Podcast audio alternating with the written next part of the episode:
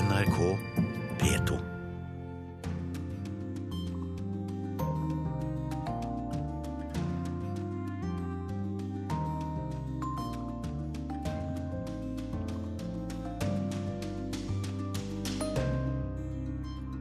Det går mot et skjebnevalg i Tyrkia, der mye står på spill for både presidenten og demokratiet. Mange tyrkere skremmes av Erdogans lederstil. De mener at presidenten er blitt for autoritær, at han er en trussel for demokratiet. Bosnias ferske statsminister tok denne uken ett skritt nærmere EU. Men vil han klare å innfri alle krav til medlemskap i unionen? Denis Zvizdic er en av de mest populære eh, politikerne i Bosnia. Folk stoler på ham, også folk har ganske store forventninger. I USA eksploderte det i sosiale medier denne uken etter at en mannlig OL-stjerne sto frem som kvinne. Reaksjonene kan tyde på et veiskille for transseksuelle. The amount of interest in Caitlyn Jenner's story and the generally positive reaction she's received does seem new. Vi skal også til Irak, Danmark, Russland og Kenya. Og få høre at britenes krav om særbehandling i EU har gitt god næring til tyske satirikere. Mens britene selv, som har gjort narr av tyskere gjennom mange år, nå er mest opptatt av å stryke sine medspillere i unionen med hårene. Velkommen til Urix på lørdag i studio, Charlotte Bergløff. Først skal vi til Tyrkia, der to mennesker ble drept og over 100 skadd i en eksplosjon under valgkampinnspurten i går. I morgen går tyrkerne til valgurnene i det som beskrives som et skjebnevalg, der de vil avgjøre om president Erdogan får grønt lys til å endre grunnloven, og således gi seg selv mer makt. Gårsdagens eksplosjon skjedde under et valgmøte for partiet HDP, som en del tyrkere håper kan stanse Erdogans planer. Og korrespondent Kristin Solberg i Istanbul, hva kan du fortelle oss om denne eksplosjonen? Ifølge øyenvitner så var det to eksplosjoner med ti minutters mellomrom som skjedde på et valgmøte for HDP i byen Diyarbakir sør i Tyrkia. Det skjedde like før HDP-leder Selahattin Demirtas skulle tale. Og Det ble først meldt at eksplosjonen var forårsaket av en elektrisk feil i en transformator, men nå sier myndighetene at dette var en bevisst handling for å skape uro før valget i morgen. Og Kilder i sikkerhetstjenesten sier at dette skyldes en bombe laget av en gassylinder. Hvilke reaksjoner har kommet? HDPs leder har manet til ro, men det er klart at sinnet og frustrasjonen er stor i området der dette skjedde. Og Mange her tror at det nettopp kan ha vært noe av hensikten.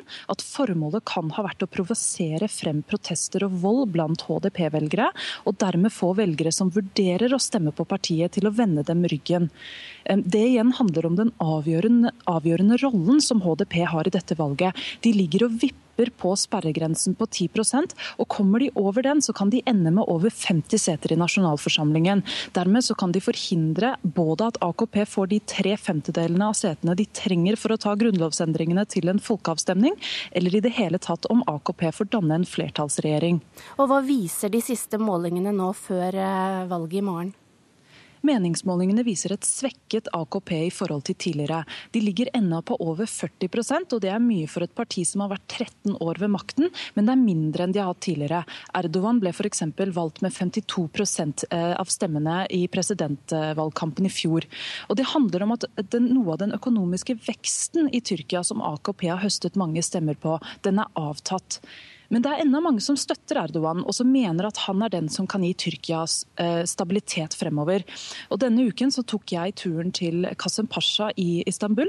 Det er nabolaget der Erdogan vokste opp, og der finnes eh, mange av hans kjernevelgere. Radioen står på i Yasharai Hans barbersalong i Istanbul. Barbereren selv står med en saks i den ene hånden og en kam i den andre, og småsnakker med mannen i stolen, som straks skal få en ny frisyre. For den 47-årige barbereren er alle kunder viktige, men det er én kunde han er ekstra stolt av. Han peker på en hylle over et speil der han står sammen med Tyrkias president, foreviget i glass og ramme. Bror Tayyip er virkelig en god mann, en eksepsjonell mann, sier barbereren. Han elsker folk og er veldig ydmyk. Han er jo en person man ser på TV hver dag, og dermed kan man være litt nervøs når man ser han i live og han kommer hit til salongen. Men så sier han bare 'hvordan går det med deg?' Og så slipper nervøsiteten taket, og vi prater slik jeg gjør med vanlige kunder.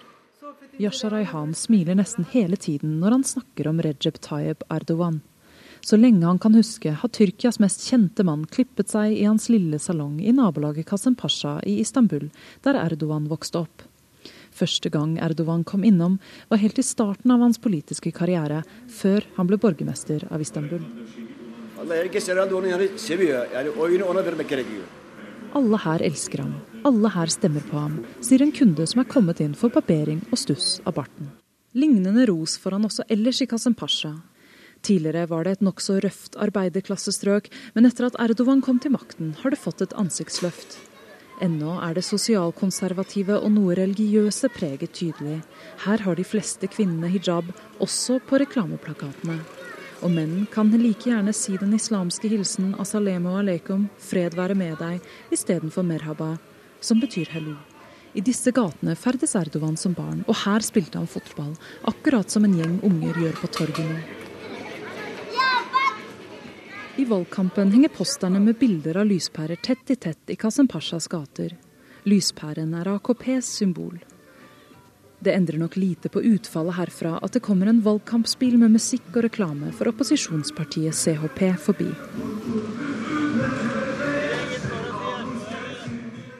For mange her mener at deres økonomi er blitt romsligere, og at levekårene er blitt bedre i de 13 årene AKP har sittet med makten. Situasjonen er lignende ellers i Tyrkia. God økonomisk vekst og utvikling har gitt AKP mange stemmer. Men mange tyrkere skremmes av Erdogans lederstil. De mener at presidenten er blitt for autoritær, at han er en trussel for demokratiet. For dem er dette et skjebnevalg. Det handler om å stanse grunnlovsendringene. En av dem er Asra Atay, 32-årig grafisk designer med rødt, tykt hår, som sitter på en bohemsk kafé i nabolaget Jihangir. Fra denne kafeen pleide den tyrkiske filmindustrien en gang i tiden å rekruttere sine skuespillere. Det er langt til Kasem Pasha, om ikke i kilometer, så i kulturell avstand. Den grafiske designeren frykter mer makt i hendene til én person. Yes, that's that's quite scary. Actually, there is this fear amongst uh, people like us. Like this might be the last elections before a dictatorship arrives, basically. So this constitutional change means more power to one man. And we definitely don't need that, and we are quite kind of afraid of that scenario. I barbersalongen i Kassem Pasha preller slikt av. Yasher Raihan sier at etter at Erdogan ble valgt til president, kommer han ikke lenger hit til salongen. Isteden blir barbereren hentet til presidentpalasset for å klippe Erdogans hår der. Men uansett er Erdogan aldri langt unna.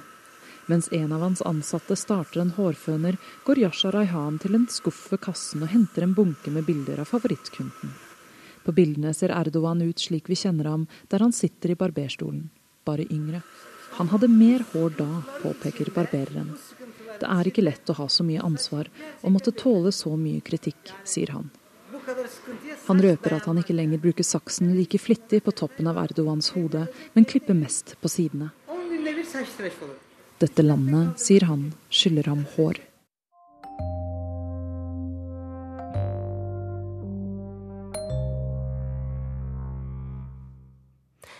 Ti måneder etter de første luftangrepene mot terrorgruppen IS vinner ekstremistene stadig større terreng i både Syria og Irak. Det skjer på sivilbefolkningens bekostning. Denne uken slo FN alarm. De trenger en halv milliard dollar nå for å kunne fortsette å hjelpe 5,6 millioner irakere rammet av IS sine herjinger. Joar Ho Larsen rapporterer. Det har vært varmt i Bagdad denne uken. Over 40 grader. Noen barn opplever et snev av normalitet. De kaster seg ut i tigris for å kjøle seg ned, som andre barn gjør verden over forteller Seif Mohammed.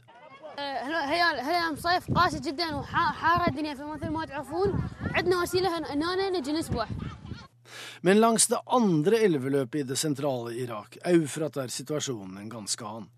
Der har opprørerne i det såkalte IS stengt en demning de kontrollerer, med de konsekvenser det får for sivilbefolkningen nedstrøms. Og da er det ikke bare badende barn som rammes. Husholdninger og husdyr blir lidende. Planter trenger vann, så dette vil gå utover avlingen og dermed matsituasjonen i fremtiden, og dersom elva blir tørr nok, er den ikke lenger et naturlig forsvarsverk. Da kan IS spasere over det uttørkede elveleiet og fortsette fremmarsjen mot Bagdad.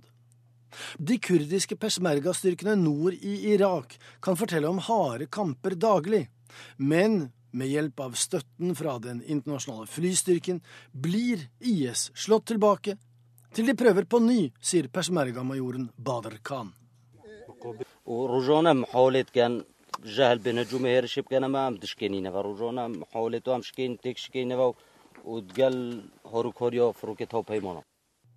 De militære kampene er imidlertid bare toppen av isfjellet. Tre millioner irakere er fordrevet fra sine hjem på mindre enn halvannet år. Andre trenger hjelp der de er. Helsevesenet er brutt helt sammen, ifølge doktor Fabio Forgione, som leder Leger uten grenser i Irak. The human suffering witnessed by our teams is enormous, and still humanitarian assistance is highly and largely insufficient, also even to meet uh, the most basic services. FN hevder at ti millioner irakere kan komme til å trenge hjelp før året er omme. Dobbelt så mange som det bor folk i Norge. Ti millioner enkeltskjebner. Korrespondent Sigurd Falkenberg Mikkelsen, du er i Bagdad. Hvordan preger krigen situasjonen der? Først og fremst eh, eh, ved at det har kommet veldig mange flyktninger hit eh, etter at Ramadi falt. og De fyller nå opp den sunni-islamske delen av byen. Det har også vært to bilbombeangrep mot to store hoteller her i forrige uke. Men bortsett fra det så er det relativt rolig i byen. Det er ikke den samme panikken det var her for et år siden. Og folk føler seg ganske trygge på at IS aldri kommer til å ta Bagdad. Du var ute i går med irakiske styrker. Hvordan ser det ut på frontlinjene? Der er bildet helt eh, annerledes. Jeg kjørte nordover fra Bagdad, eh, helt opp til eh, Tikrit, som irakiske styrker sammen med disse shia-muslimske militsene har tatt tilbake, og helt opp til Beiji, hvor frontlinjene nå står, hvor det også er et stort oljeraffineri. Og Der var det en voldsom mobilisering. Det var soldater overalt, mange kontrollposter. Og det er også tydelig hvem som dominerte, i hvert fall i antall, i denne krigen som nå føres. og det var eh, disse sjiamuslimske militsene. Det er veldig mange forskjellige grupper. Eh, de så relativt godt bevæpnet ut, eh, og jeg traff også flere av de ved frontlinjene. Og Alle disse kom fra Sør-Irak for å slåss. og Jeg så også et bilde på en av, en av hovedkvarterene der av Irans øverste leder, Ayatollah Ali Khamenei. Så det er iallfall tydelig hvor noen av dem får støtten sin fra. Hva gjør denne konflikten med Irak? Nei, Først og fremst så eh, gjør det jo at krigen for eh, alvor er, eh, er, tilbake igjen. Ikke det at den har vært borte, men det har jo, har vært perioder hvor det har vært bedre her. F.eks. var det et visst håp rundt 2010. Det siste året har gjort at de sekteriske spenningene her øker mellom sunni- og shia-muslimer. Dette har jo ligget der hele veien, men det har blitt tydeligere nå. Og Det IS gjør, er at de spiller på en helt legitim følelse hos mange mange sunnimuslimer som føler seg marginalisert, tilsidesatt og ofte også mishandlet av myndighetene. Eh, og Når du da på den andre siden har en eh, i stor grad kamp ledet av disse sjiamuslimske gruppene, eh, så gjør dette at den religiøse dimensjonen blir tydeligere. Og det gjør det vanskeligere å komme fram til en politisk løsning. Tusen takk for den orienteringen, Sigurd Falkenberg Mikkelsen.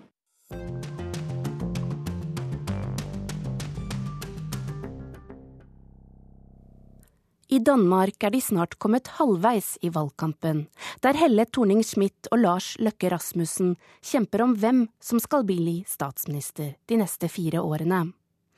Mye tyder på at et helt nytt parti vil avgjøre denne duellen.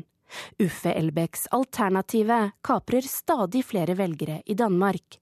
Petter Auli Hauge har sett nærmere på partiet. Studentene ved Universitetet i København løper rundt på gressplenene foran fakultetet. De har kledd seg ut, mange har en ølflaske i hånden. De feirer at semesteret er over, de har leseferie, som de kaller det i Danmark. Men før de reiser bort, skal de stemme ved folketingsvalget. Mange av dem vil velge et helt nytt parti. De varetager naturen meget bedre, og jeg tror vores ungdom blir meget mer ops på naturen og fremtiden. De skal stemme på Alternativet, partiet som slår an hos unge. Partiet de færreste trodde ville spille noen avgjørende rolle i dansk politikk for bare noen få måneder siden. Nå ligger Helle Thorning-Smiths skjebne i partileder Uffe Elbecks hender. Han må lykkes for at hun fortsatt kan være statsminister. Velkommen til Alternativet. Se deg omkring. Overalt spirer alternative løsninger på klimamæssige, sosiale 874. Nå, skal I ha tallet? Er I klar? Partileder Uffe Elbekk møter sine medarbeidere med en liten lapp i hånden. I noen intense måneder har partiet jaktet såkalte velgererklæringer. De trenger over 20 000 for å kunne stille til folketingsvalg i Danmark. I mars i år er målet endelig nådd. Det er.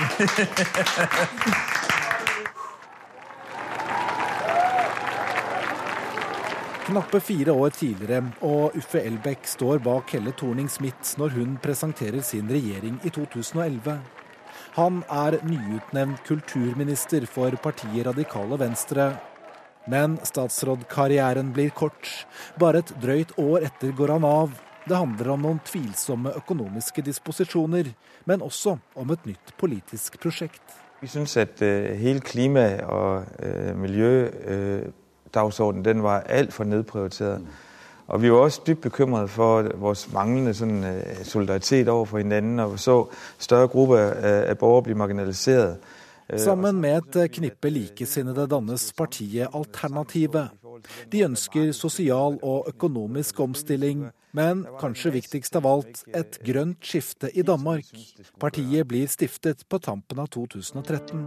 Derfor har vi skapt et nytt parti som vil styrke den positive bevegelse der er i gang med en politisk stemme, og som vil arbeide for samme drivkraft og idérikdom Knappe to år etter er partiet nå snart halvveis i en valgkamp hvor flere av Uffe Elbecks politiske løfter blir gått grundig etter i sømmene. Det handler om, vel, alternativ politikk, som bl.a. at partiet vil avskaffe stress og gjøre Danmark heløkologisk. Men det er særlig ett utspill som har fått stor oppmerksomhet.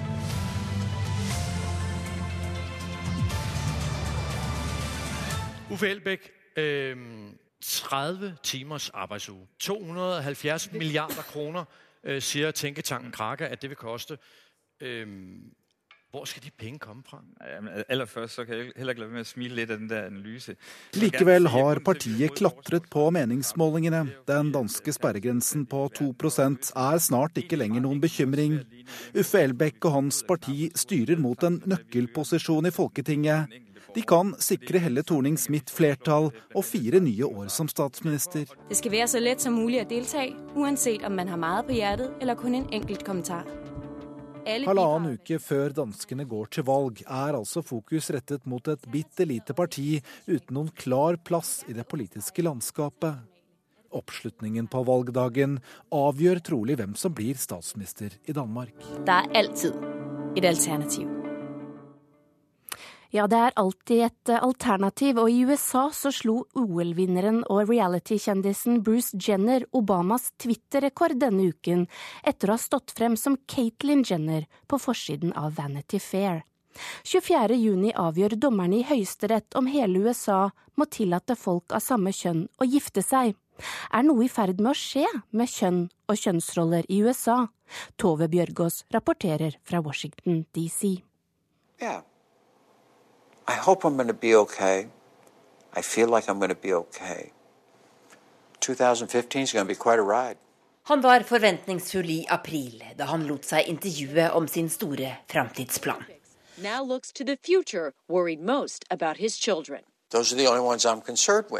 Og denne uka satte han den ut i livet. Denne uka debuterte han som henne. Bruce Jenner er blitt Caitlyn Jenner. Fra forsida til Vanity Fair smiler hun til både amerikanere og andre iført lekkert hvitt silkeundertøy. Inne i bladet viser Caitlyn Jenner sin nyervervede kvinnekropp over ikke mindre enn 22 sider. Og det er stjernefotografen Annie Leibowitz som har tatt bildene. Forsida har skapt en eksplosjon på sosiale medier her. En stort sett positiv eksplosjon. Så positiv at den kan være et veiskille for transseksuelle, mener de som har greie på det. Over the past 60 years, there have been many transgender people who've told their stories in the media, but the amount of interest in Caitlyn Jenner's story and the generally positive reaction she's received does seem new. Det er noe nytt og positivt over dette, sier Nick Adams i organisasjonen GLAD til National Public Radio. Han jobber med å fremme rettighetene til homofile, lesbiske og transseksuelle i media.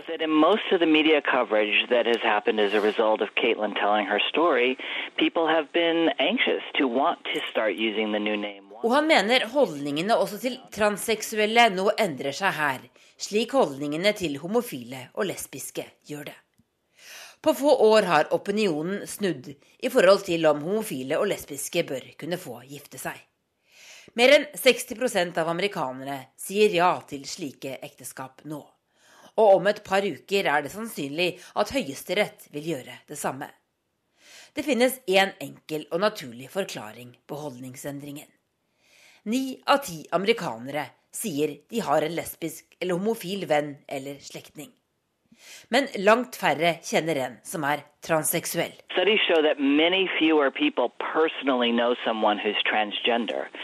So the way that people are learning about who transgender people are is through the media.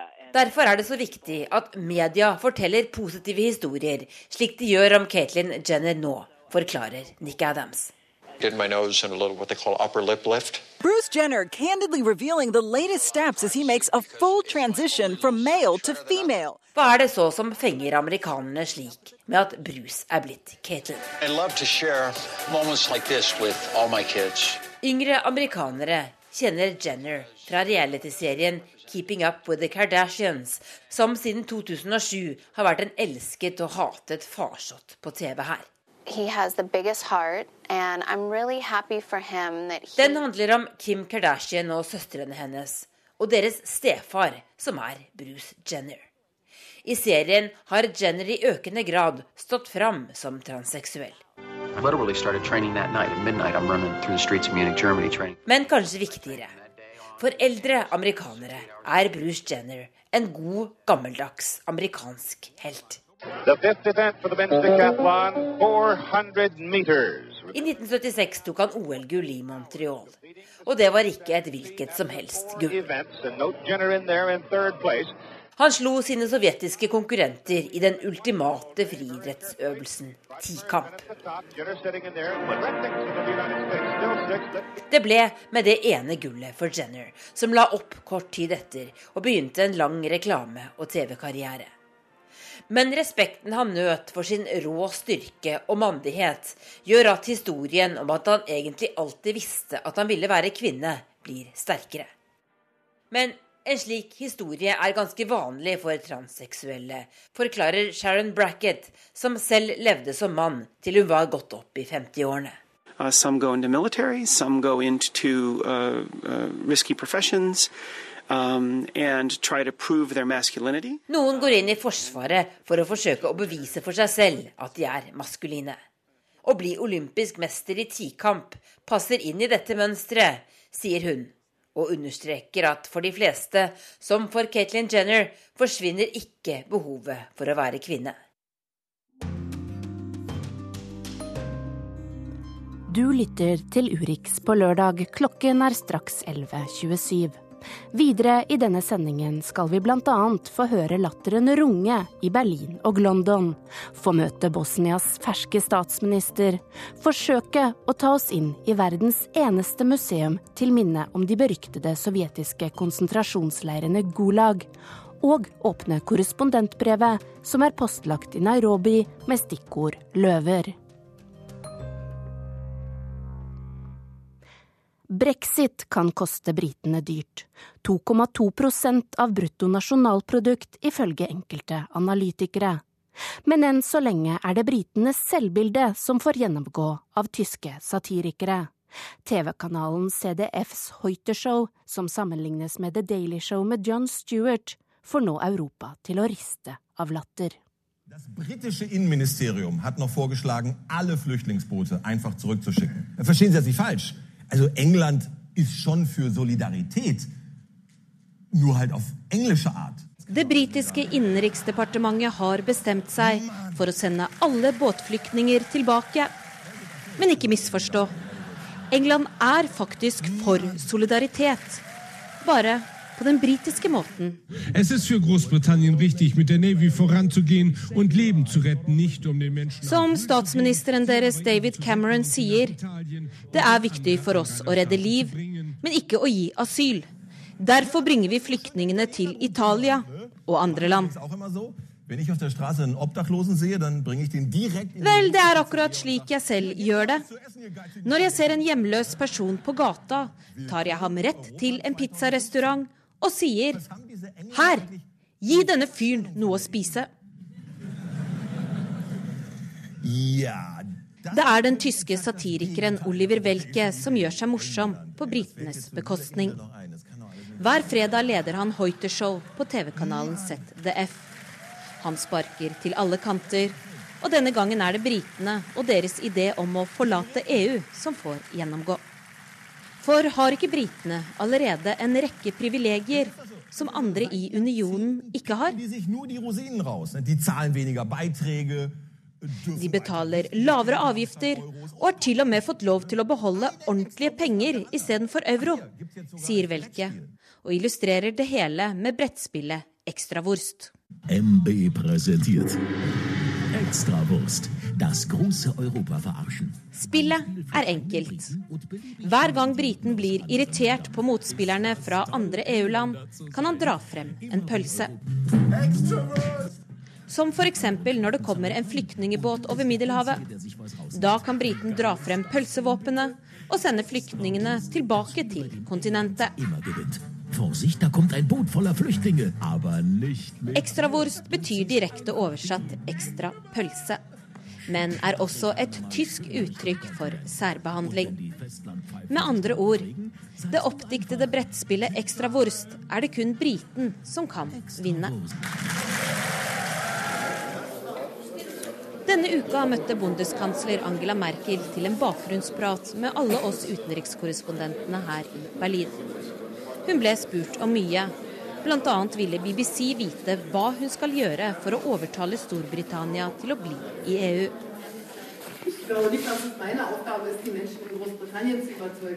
Det er ikke min oppgave å overtale britene. De må selv bestemme dette, sa Merkel. Men jeg håper de tar en klok beslutning. I et senere intervju denne uka med BBC åpner hun for at det kan være mulig med traktatsendringer hvis det er det som skal til for å holde britene i unionen.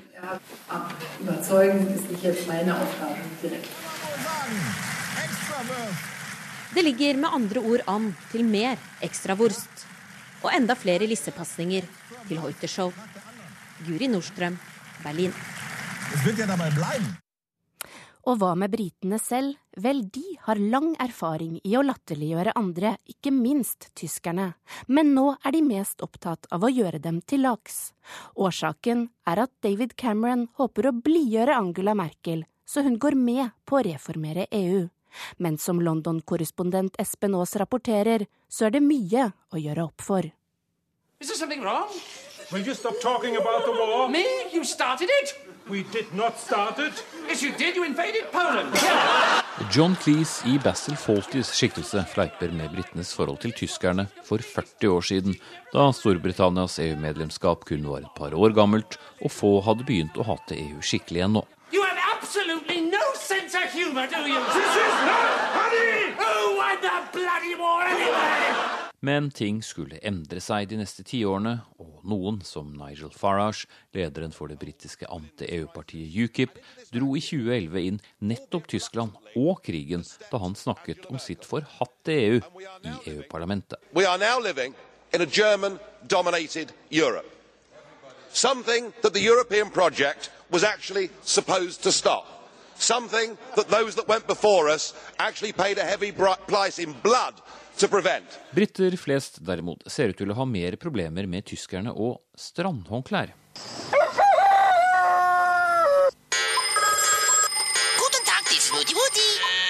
Som i denne ølreklamen hvor tyskerne står grytidlig opp for å rekke å okkupere samtlige solsenger med håndklærne sine, men blir slått av en øldrikkende friskus av en brite som med letthet kaster sitt Union Jack-håndkle fra balkongen og treffer solsengen perfekt sekunder før de noe mer korpulente tyskerne kommer frem.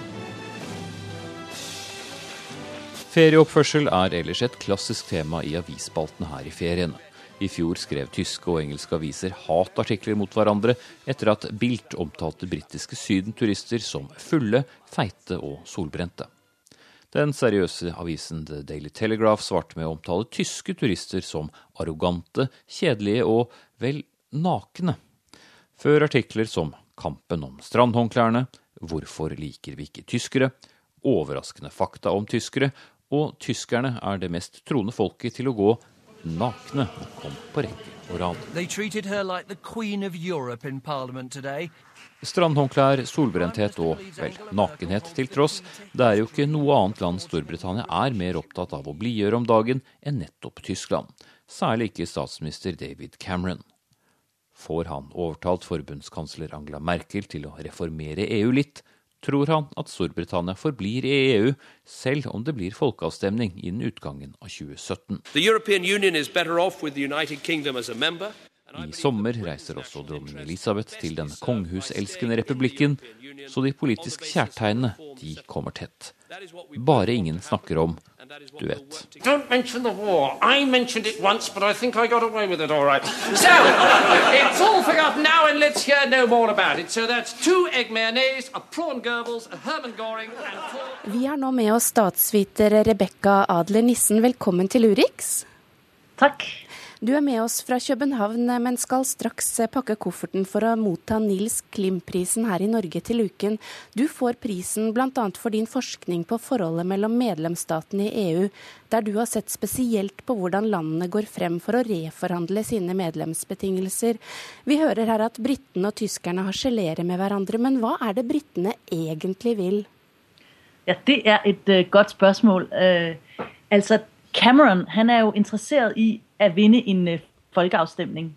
Og mange øh, tænker, jamen Cameron er meget skeptisk, men i virkeligheden så er han jo faktisk tilhænger af EU-samarbejdet. Hans problem er bare the backbenchers i det konservative parti. Og det han ønsker, øh, siger han i hvert fald, det er jo en traktatændring, og så vil han undgå at få mange flygtninge ind. Han vil undgå at betale social bidrag og så vil han også gerne øh, sikre seg at øh, det ikke blir en ever closer union. Hvor stor sjanse har han for å oppnå noen av disse målene? Altså Umiddelbart så er det jo øh, noe av en katastrofekurs han har øh, for seg. Fordi resten av EU, og ikke minst tyskerne, er jo meget øh, sterkt opptatt av at der aldri igjen må være grenser øh, eller murer øh, i EU mellom øh, befolkningene. Og nettopp den frie bevegelighet av personer er hjerteblod for Tyskland. Øhm, dertil kommer at hvis du vil ha traktatendring, jamen det er jo Pandoras eske, fordi så er det jo tusenvis av andre lande som også har ønsker. Så det er en riktig svær øh, oppgave han har fått.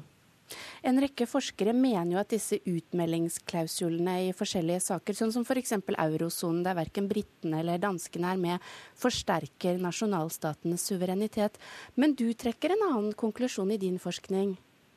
Ja, og det er måske særlig interessant også for Norge, som jo står der litt på, på sidelinjen og kikker.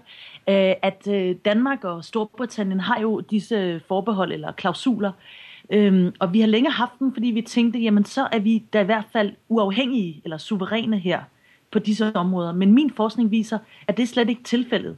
Fordi faktisk så øh, selv på sådan noget som øh, euroen, ja, der implementerer vi jo masser af lovgivning alligevel. Og øh, når det gælder retsforbeholdet eller retsundtagelsen, som Danmark har, ja, der er vi også i høj grad alligevel bundet af andre regler, for eksempel om den fri bevægelighed. Så min konklusjon den er, at man kan ikke bare ta et stykke av kagen og skære ut og så si her er vi ikke med.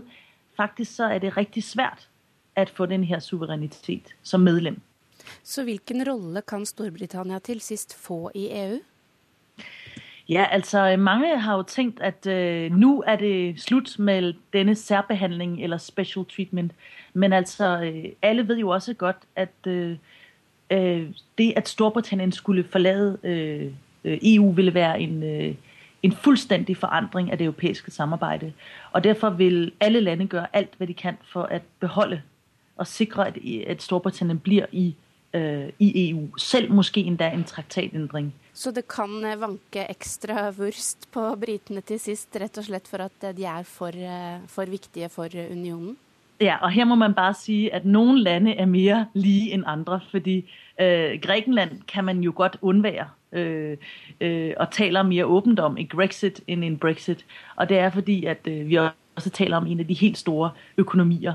Øh, så der er øh, altså ikke helt lighed mellem landene.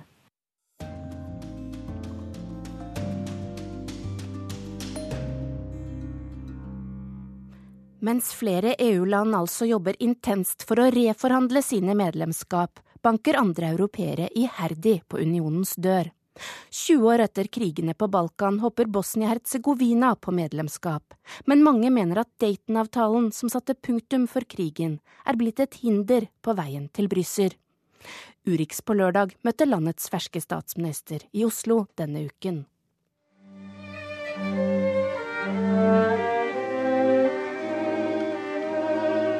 Solen skinner på strykekvartetten fra Sarajevo i hagen til Holocaust-senteret på Bygdøy. Men de dystre historiske strengene de er kommet for å sette toner til, står i sterk kontrast til den vakre sommerdagen.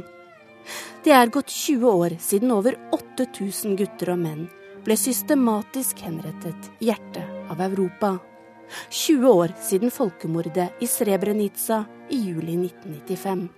Nå er minnemarkeringene i gang i flere land, også her i Norge.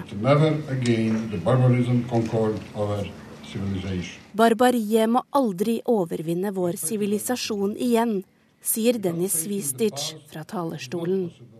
Bosnia-Hercegovinas ferske statsminister er i Oslo for å be om at vi aldri glemmer. Han kommer dessuten med en invitasjon. For denne uken tok Bosnia ett skritt nærmere EU gjennom en partnerskapsavtale med unionen. Svistic håper med det å også lokke norske investorer til hjemlandet.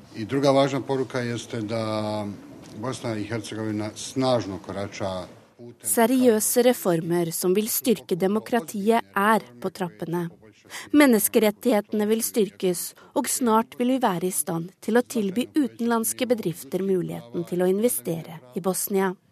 Dette vil jeg ta opp med den norske statsministeren, og jeg tror hun vil være interessert i prosjektene jeg foreslår, sier Dennis Svistic.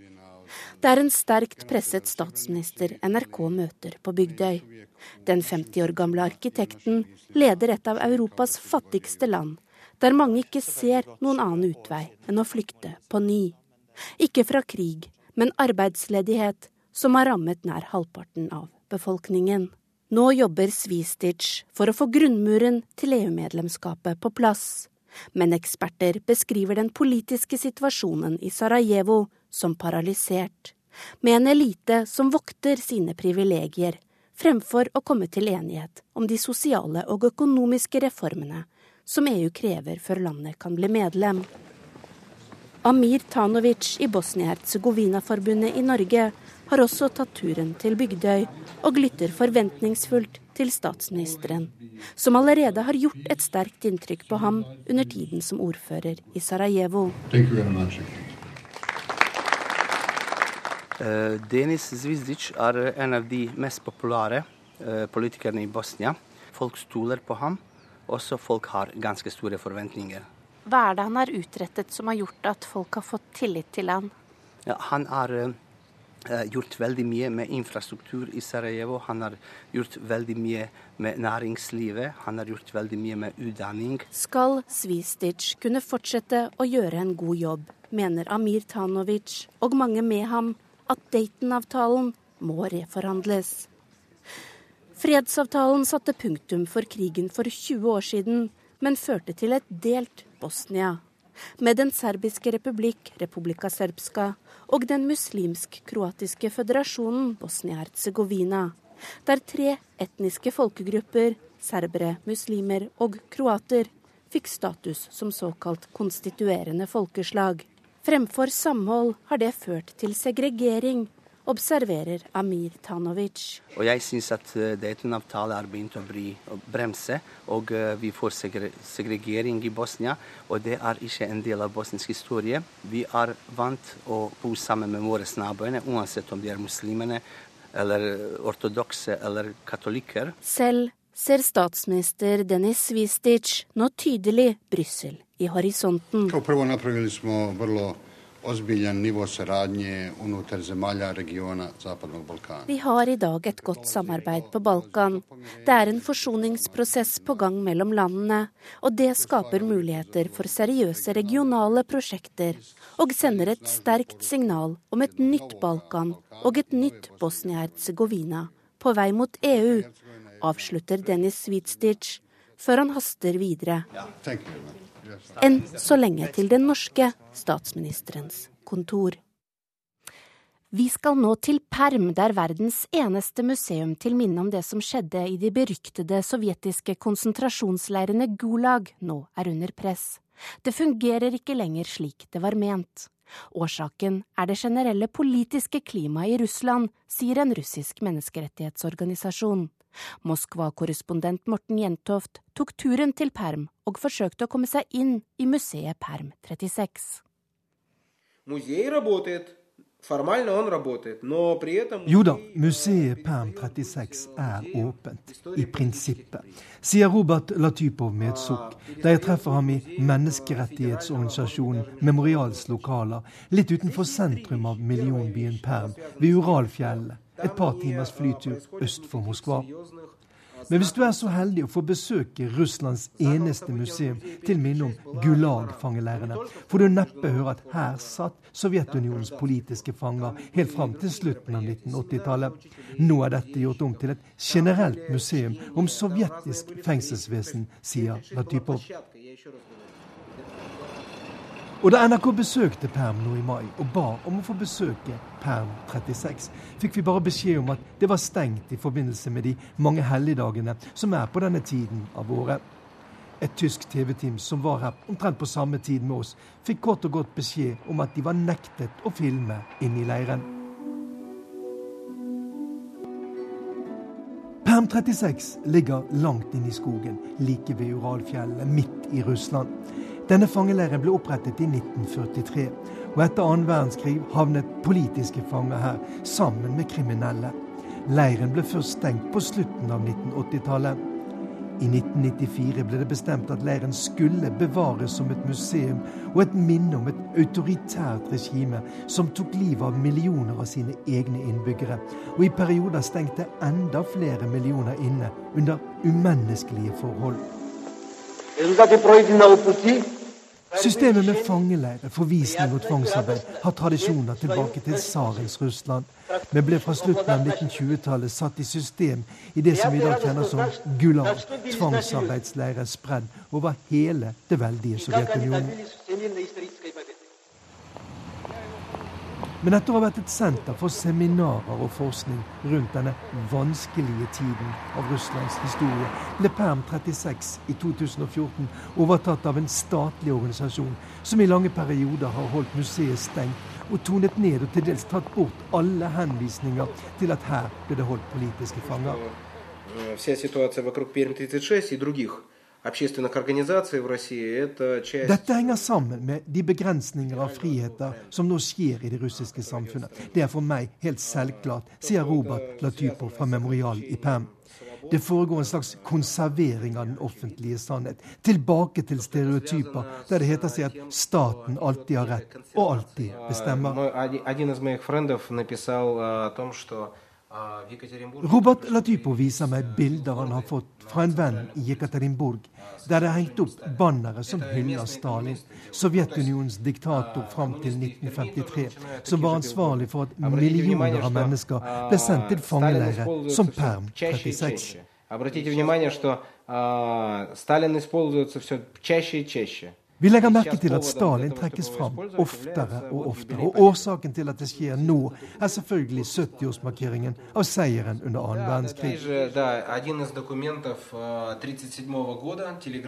Robert viser meg et dokument fra 1937 med Stalins tilføyelse, der han ga beskjed om at man skal øke tallet på dem som skulle henrettes. Robert Latypov og Memorial i Perm fortsetter likevel sitt arbeid for åpenhet om russisk historie. Men organisasjonen er under press og har vært truet med å havne under kategorien utenlandske agenter. I tråd med en lov som russiske myndigheter har innført for å hindre, som de sier, undergraving av samfunnet. Akkurat nå er vi inne i en slags forgiftet atmosfære, der en organisasjon som Memorial blir hindret i sitt arbeid, sier Robert Latypov. Men ethvert autoritært regime er det samme som blod. Det betyr alltid krig, enten borgerkrig eller verdenskrig. Det betyr alltid blod. Og dette rammer alltid først og fremst vanlige mennesker, ikke nomenklaturen som bestemmer i samfunnet. Det rammer de som først har trodd på makten, og så havner som maktens offer.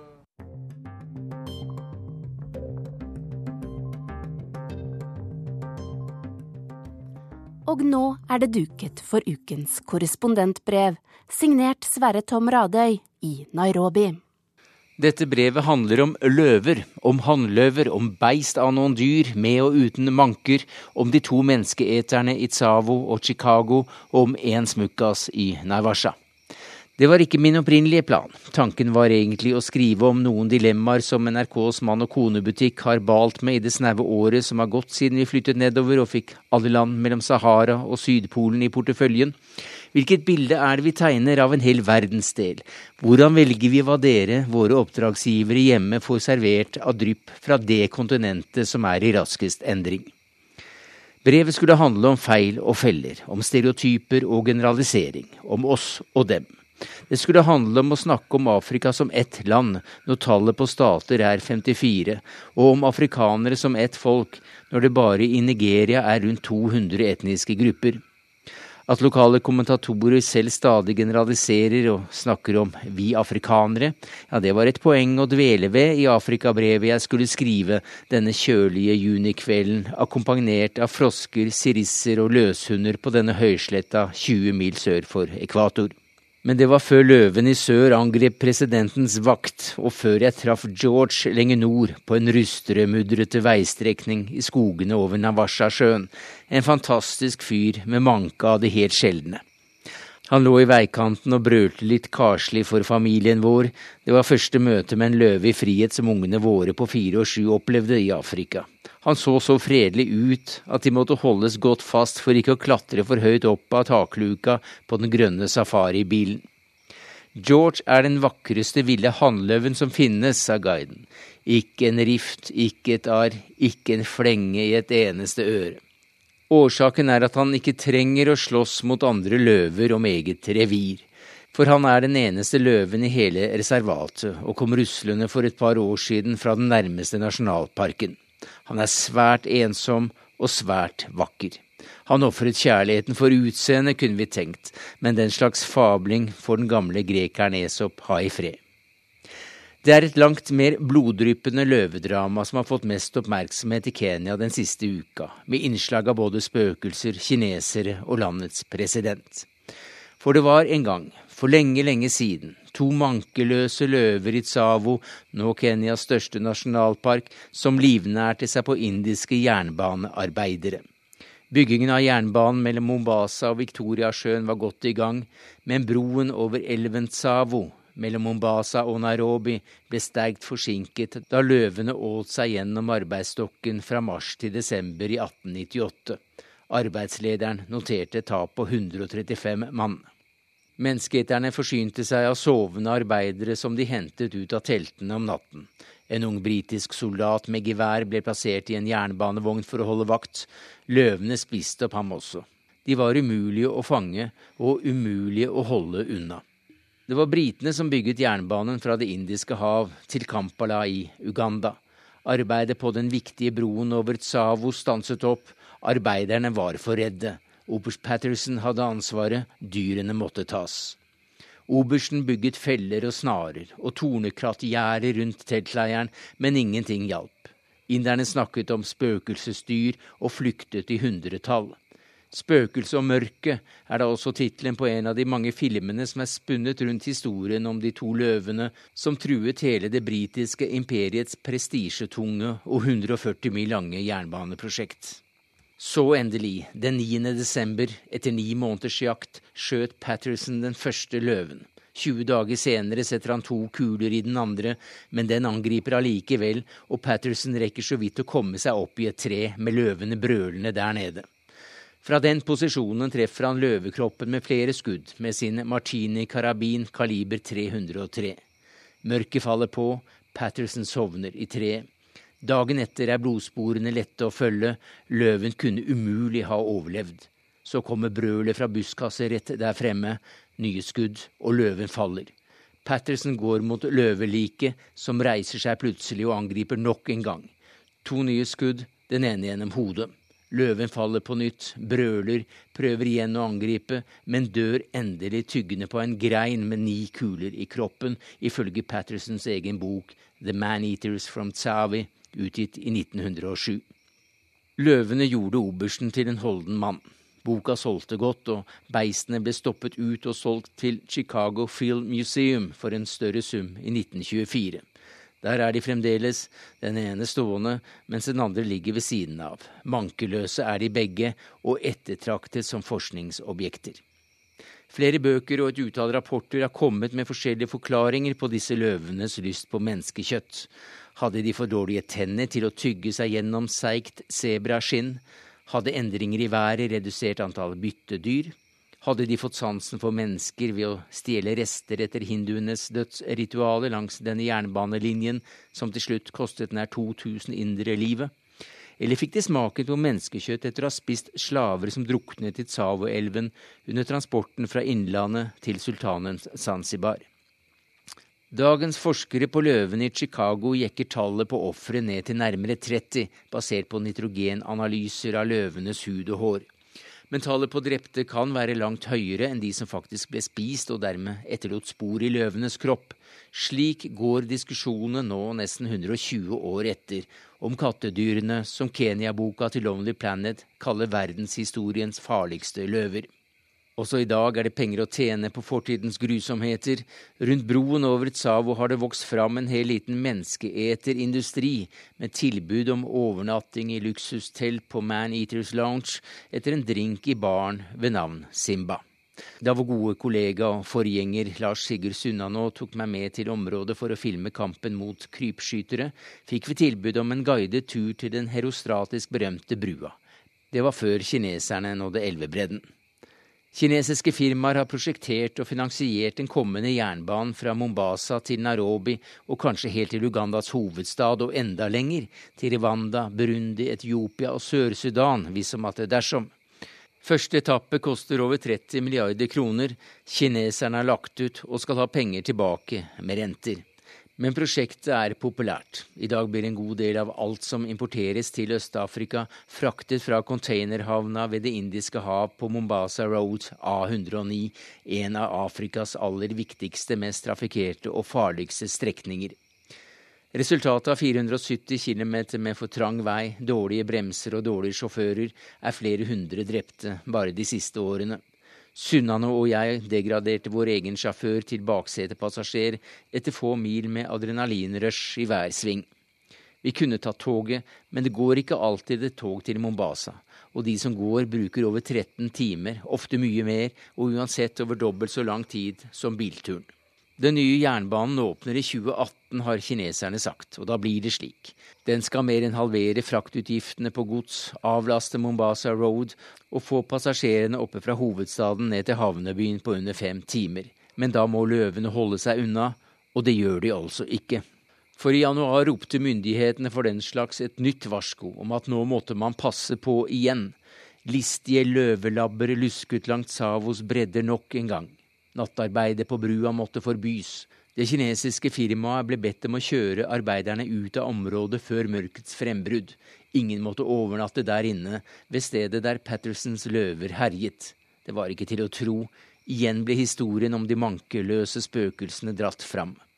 Men brua blir fin nok. Kenyas president, visepresident og ti kabinettsekretærer dro ned for å se den uferdige 35 meter høye Tsavo Superbridge tirsdag i forrige uke.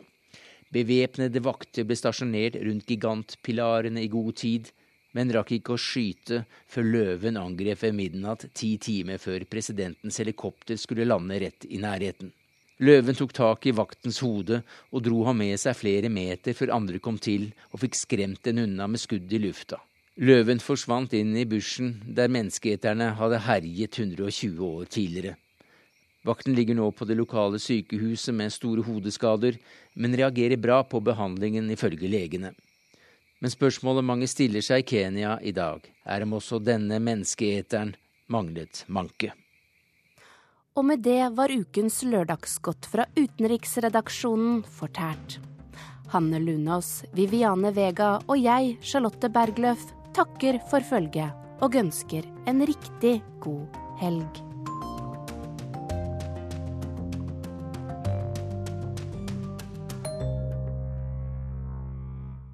Hør flere podkaster på nrk.no podkast.